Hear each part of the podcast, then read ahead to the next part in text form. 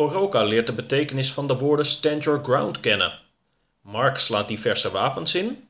Het gezelschap keert terug naar de White Horse. Hoofdstuk 32 Een laatste dingetje. De volgende ochtend werd al snel duidelijk dat alle gedane inkopen, Marks gemoedstoestand, nog niet tot bedaren hadden weten te brengen. Een kelder vol eten, twee geweren en een kist landmijnen ten spijt, liep hij zichtbaar gespannen door het huis. Trappen op en af, kamers in en uit. Mark, moet je ook niet wat eten? vroeg Oroka, die samen met Row buiten zat te ontbijten. Hij keek naar het pistool dat Mark aan de zijkant van zijn broek achter zijn riem had gestopt en dat daar niet erg stevig leek te hangen. Nee, misschien zo een bakje muesli, maar nu nog niet, jongens. Er zijn belangrijkere zaken te doen. Mark holde in de richting van een schuur, achter op het terrein. Even later kwam hij terug met een stapel planken en een kist gereedschap. Ik ga wat waarschuwingsborden maken. Die kunnen we dan zo dadelijk bij de poort hangen, zodat mensen weten dat ze hier weg moeten blijven. Kan een van jullie toevallig goed schilderen? De letters, dat lukt me wel, maar ik wil op twee borden ook een hond schilderen. Dat schrikt denk ik wel af, als mensen denken dat er hier agressieve honden rondlopen. Dat doe ik wel. Ja? Kan jij dat, Ro? Dat is fijn. Zie je? Samen komen we hier wel doorheen. Mark legde de borden in het gras en haalde potten verf en kwasten. Met Ro maakte hij drie waarschuwingsborden die ze samen aan het hek van de toegangspoort bevestigden.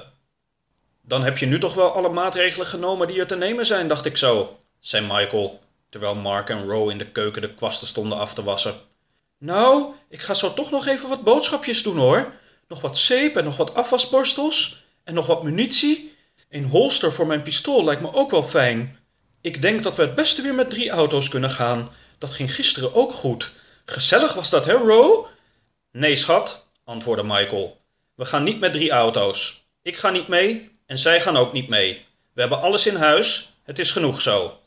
Het is genoeg zo, het is genoeg zo. Hoor je dat, Ro? Meneer denkt weer eens dat hij het allemaal wel weet. Nou, ik ga zo mooi dus nog even wat boodschappen doen. Een uurtje later reed Mark alleen de poort uit. In de rust die hij achterliet, las Oroka wat in een tijdschrift over vegetarisch koken. Rose speelde bij de fontein wat op haar dwarsfluit. Wubbel was ochtends al weggevlogen en besteedde de dag op zijn eigen manier. Met een volle wagen keerde Mark terug. Nadat hij alles had uitgeladen en binnen had opgeborgen, keek Oroka hem onderzoekend aan. Je bent wel wat bleekjes, Mark. Ja, maar het is me wat allemaal. Ik ga ook even zitten hoor. Mark plofte neer op een bank in de televisiekamer en viel vrijwel direct in slaap.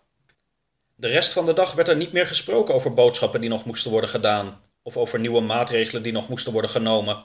Onder het avondeten vertelde Michael dat Mark een lieverd was, die soms wat bezorgd over kon komen, maar die het uiteindelijk allemaal goed meende.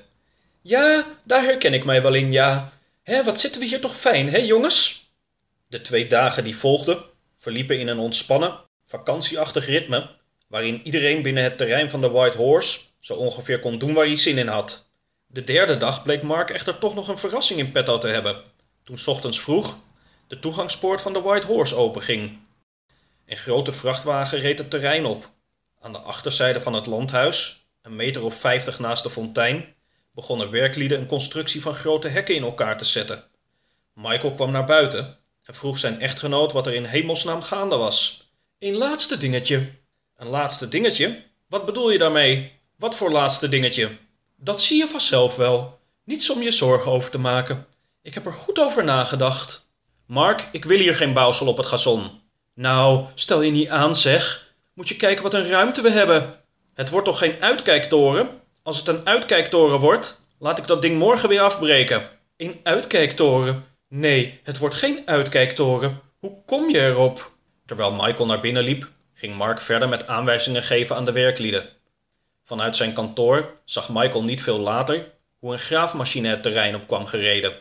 De brede graafbak van het voertuig nam een eerste grote hap uit het gazon. Kluiten grond en gras verdwenen in een grote container. Met een kwaad gezicht trok Michael de gordijnen van zijn kamer dicht. Ook tegen Oroka en Ro deed Mark mysterieus over de werkzaamheden die zich voor hun ogen voltrokken. Twee halve boomstammen werden tussen de hekken getild.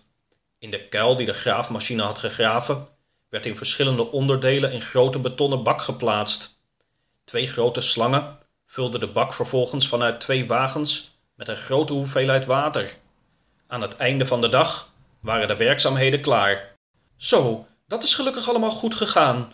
Knap hè, zo snel als die mannen kunnen werken. Morgen deel 2, dat wordt nog wel even spannend. Deel 2 begon hetzelfde als deel 1, met een grote vrachtwagen die ochtends vroeg door de poort het terrein opreed. De vrachtwagen parkeerde naast de auto's van Mark, Michael en Oroka en raakte daarbij op een haar na, zowel in achterlicht als een spiegel. Daar ben ik dan, zei de bestuurder, die een stoere cowboyhoed droeg, energiek vanaf zijn zitplaats naar beneden sprong en zijn hand uitstak naar Mark. Oroka en Ro keken van een afstandje toe. Nee, dat doen we momenteel even niet. Geen hand? Dan ga ik weer. De man klom terug in de vrachtwagen, startte de motor en leek weg te willen rijden, maar zette de motor toch weer uit. Geintje jongens, geen hand, geen probleem. Mark nam de man mee naar de achterzijde van het huis om hem het resultaat te laten zien van de werkzaamheden van de vorige dag.